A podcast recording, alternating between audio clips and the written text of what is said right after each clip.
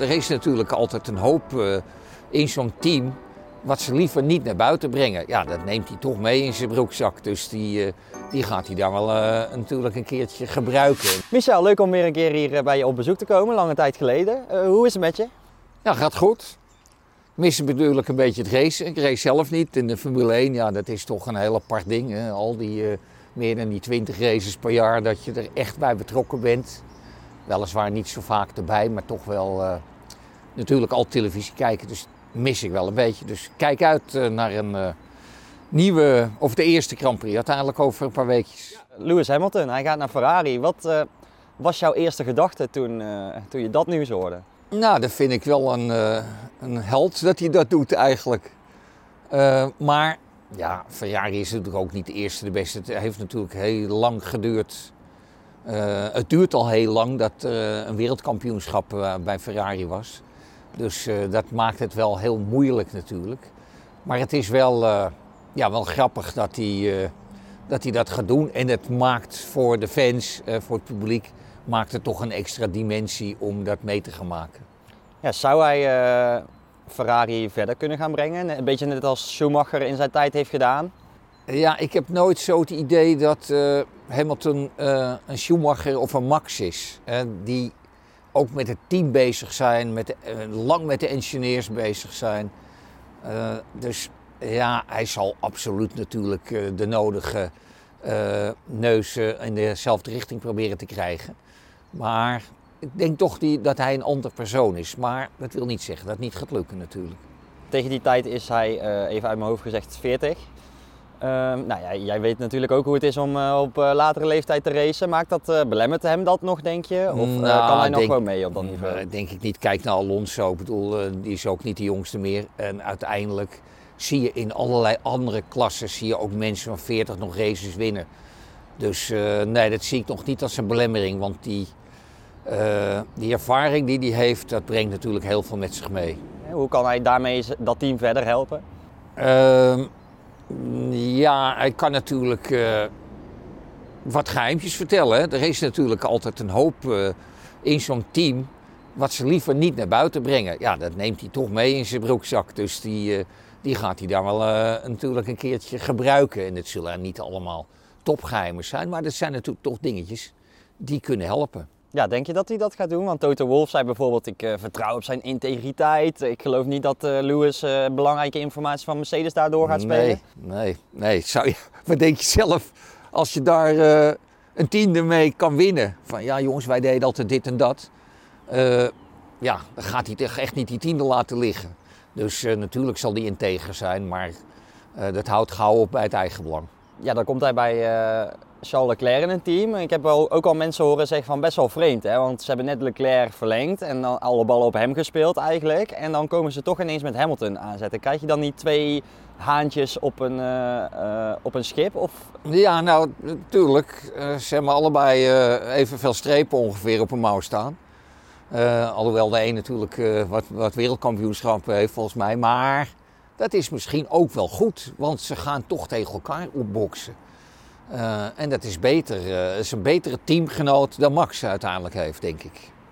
Ja, de, ja denk je dat het uh, uiteindelijk niet ook voor vervelende situaties gaat zorgen bij Ferrari? Ja, we hebben natuurlijk Rosberg en Hamilton gehad die aan elkaar gewaagd, redelijk aan elkaar gewaagd waren. Dus ja, dat, dat risico zit erin. Maar dat is ook, wat doet de teammanager ermee? Jongens, rustig aan. We rosten elkaar niet van de baan af. Dat soort dingen zullen best wel eens besproken worden.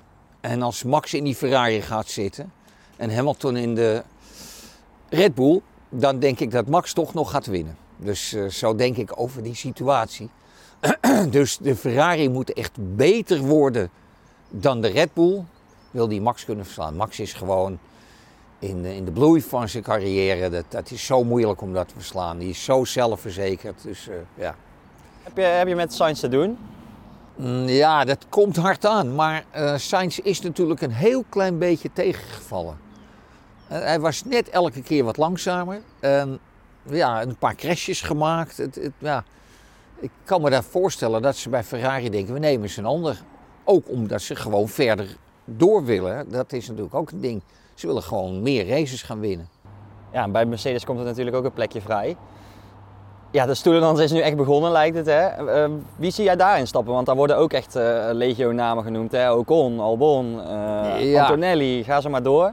Ja, dat is denk ik ook een hele moeilijke beslissing hoor. Als je die beslissing moet maken als teammanager, als teamleader, dan lijkt het me wel heel lastig om te zeggen van nou, we nemen die of we nemen die. Want je krijgt hem, of je krijgt de kopstal terug of, of het lukt. je doet het 50% kans denk ik bij al die opties die je net noemt. Ja, zou jij dan als je Toto Wolff was, want je hebt natuurlijk Russell, die wordt nu naar voren geschoven als eerste man, zou je dan voor een meer ervaren coureur gaan? Een uh, Alonso of een Ocon of uh, ja, in die richting? Of zou je echt een keer een talentenkans gaan geven? Ja, ook weer moeilijk, want je ziet natuurlijk Alonso, die ging op een gegeven moment snoeihard en die zakte ineens weer in. Waar komt dat nou door? Hè? Was dat toevallig de circuits? Uh, hadden ze het net even goed gedaan met de engineer, de autoafstelling. Moeilijk bepalen, maar ik denk zeker wel uh, dat ik Alonso. Uh, ik zou wel voor Alonso gaan, denk ik wel, ja. Iets vervelenders nu bij Red Bull Racing, ook afgelopen week gebeurd. Christian Horner beschuldigd van grensoverschrijdend gedrag. er loopt een onderzoek naar hem. Er is natuurlijk nog niks bewezen, dus ja, onschuldig tot het tegendeel bewezen is natuurlijk. Uh, ja, hoe kijk jij naar uh, wat daar allemaal ja, kijk, als ik de, de televisie aanzet uh, en ik kijk niet zoveel, dan hoor ik alleen maar grensoverschrijdend gedrag. drie jaar terug kenden we het woord amper. En ik vind het allemaal zo zwaar en ja, moet dat nou allemaal? Ik weet natuurlijk ook niet wat hij gedaan heeft. Misschien heeft hij iemand een klap op de kont gegeven. Ik heb geen idee. Maar ja, wel vervelend allemaal. Het wordt zo breed uitgelicht ook. En, uh, een beetje een nare situatie, zowel voor hem als ook de mensen om hem heen. En sommigen zullen het misschien wel leuk vinden. Vind je het dan overdreven? Of denk je dat er wel meer achter zit ook daadwerkelijk? Nou ja, ja het, uh, er zijn natuurlijk mensen die hem liever uh, kwijt dan rijk zijn. Hè. De, uh, dus het is Helmoet misschien. Hè. Wij worden natuurlijk heel veel door de media op, de verkeerde, uh, op het verkeerde uh, pootje gezet. Dus ja, moeilijk uh, om dat zo te beoordelen. En ik vind het ook zwaar om dat te zeggen natuurlijk. Ja. Maar het kan, het kan allemaal, ja. Maar de, de juiste weg die het bewandeld heeft, weten we natuurlijk allemaal niet zo goed. Dus het zijn allemaal speculaties. En ik denk dat het jammer is. Die man doet denk ik goed zijn best. Ja. want ze winnen volgens mij wel eens af en toe een raceje. Dus en ze hebben een wereldkampioen. Dus je kan niet zeggen dat dat een storende factor in het team is. Dat zijn allemaal persoonlijke dingen. Ja, ik las bijvoorbeeld ook um, dat uh, Adrian Newey en Horner uh, dingen in hun contract hebben staan waardoor als een van de twee weg zou gaan, dat de andere ook gemakkelijk weg zou kunnen gaan bij het team. Een soort clausule. Dus stel uh, Horner zou moeten vertrekken, dan zou Newey, als dat waar blijkt, ook heel makkelijk weg kunnen gaan. Hoe groot is de schade dan? Ja, maar dan moeten ze denk ik, ik denk niet dat ze zo snel weg zullen lopen, want er zit ook nog een salarisje aan vast, wat ze allemaal niet willen missen. En ik weet niet of ze meteen ergens anders aan de bak komen en of ze dat allemaal wel mogen. Ik weet niet in hoeverre we een concurrentiebeding hebben. Dus uh, ja, raar allemaal. Dat, ik, nogmaals, ik denk niet dat ze zo snel weg zullen lopen. Maar als het natuurlijk waar, waar blijkt dat er echt iets aan de hand is, dan hebben ze geen keuze, denk ik. Hè? Nee, en dat betekent wel schade. En dat betekent zeker schade als de nieuwe reglementen uitkomen. Want die auto's zijn ze aan het maken. Dus uh, dat is zonde als je dan uh, zo'n ontwerper ook kwijtraakt. Ja, hoe denk je dat Max er uh, naar kijkt, naar heel die situatie? zou hij in het ergste geval dat er echt iets aan de hand blijkt ook over zijn toekomst gaan nadenken? Nou ja, Max heeft een contract tot, tot 28, dacht ik, of iets. Dus contracten zijn om te verbreken, maar dat zou kunnen. Maar ja, aan wie, aan wie is Max meer gelieerd dan aan het team natuurlijk? Dat hangt er dan ook vanaf. Gaat hij dan, blijft hij bij Marco of gaat hij daarmee naartoe? Naar Mercedes? En we moeten nog maar afvragen, ik lees toch wel vaak dat Max zegt van... ik wil ook niet altijd blijven uh, Formule 1 blijven rijden. Dus uh, wie weet trekt Max over twee jaar wel de stekker eruit. Het bid van Andretti is afgewezen om vanaf 2025 op de grid deel te gaan nemen. met, naar mijn idee, ook wel een paar merkwaardige redenen in een statement. Ja, Hoe heb jij daarnaar gekeken? nou het statement vind ik eh, niet, eh, niet kloppen. Want eh, ik denk alleen maar zoals wij hier staan, de geluidsman, jij, dat het alleen maar meer spektakel brengt. Want ik denk dat dat heel bijzonder is als zij ook participeren in een veld van 22 auto's. En ik heb liever 28 auto's, want ja, alleen maar beter. En eh, ja, de achtergrond is natuurlijk de financiën, want ze moeten, de pot zit een bepaald eh, bedragje in en dat moeten ze verdelen. Ja, liever met eh 10 teams dan met 11 teams. Ja, dat is toch uiteindelijk gewoon het hele spelletje, of niet? Ja, ja het, het Formule 1 geweld wordt wel geweld aangedaan. Ehm, omdat het eigenlijk allemaal om de financiën draait. En wat minder om de sport. Gelukkig hebben we nog sport. Maar we moeten wel opletten dat het ook blijft. En dat het niet alleen maar een commercieel eh, spelletje gaat worden. Ja, in het kader daarvan vond ik het juist onbegrijpelijk. Want een Amerikaans team wil naar de Formule 1 komen, terwijl ze juist zo aan het mikken zijn op die Amerikaanse markt. Er komen steeds meer races in eh, de Verenigde Staten. En dan komt een Amerikaans team en dan zeggen ze nee, dat gaat hem niet worden. Dat is toch onbegrijpelijk? Ja, ik kan me ook wel voorstellen, dan moeten ze twee jaar in een, eh, een reglement rijden wat daarna weg is. Eh, er is ook gezegd eh, dat ze dan misschien weer opnieuw eh, een aanvraag kunnen doen.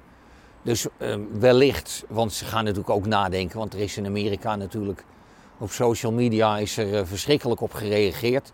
Mensen hebben hun kaarten zelfs teruggegeven. En ik weet niet of dat om duizenden gaat, maar je moet daar wel rekening mee houden. Ze moeten ook ons kunnen plezieren als kijker. Ja, eh, dan nog een andere reden, reden die ze hebben aangegeven dat de naam van Andretti niet spraakmakend eh, genoeg zou zijn, hè, een oud wereldkampioen. Eh, dat terwijl we wel teams hebben als Visa, Cash App, Racing Bulls vanaf dit seizoen, dat ja, zet de Formule 1 zichzelf daar niet een beetje mee voor schut? Ja, jij? dat vind ik wel. Ze hebben natuurlijk, het rammelt aan alle kanten. En Alle, al die statements die ze opgeven, dat ze het liever niet hebben, ja, dat is eh, allemaal bullshit. Ze hadden het gewoon toe moeten laten. Laat gaan. Je hebt weer een merk erbij, je hebt de grootste naam heb je erbij die er nog, eh, nog uit Amerika kan komen. Dus ja, de man heeft, eh, die, die hele familie heeft een naam, dus zonde. Nou, dan gaan we eh, rustig naar, naar de testdagen van Bahrein alweer, over enkele weken. Ja, wat verwacht jij daar te gaan zien? Je zal veel auto's zien uitrijden, meteen weer naar binnen rijden. Want dat functioneert niet en zus niet. Dus eh, ik vind het wel jammer dat het eigenlijk eh, een, een korte test is, een paar dagen. En vroeger kon je natuurlijk al, eh, waren ze nu al aan het rijden. En dat is wel een, een zware druk ook. Hè? Want als je iets niet goed voor elkaar hebt, ja, dan moet je dat toch maar zien te fixen in die korte periode. Hè? Want ja, een week daarna heb je alweer de Grand Prix.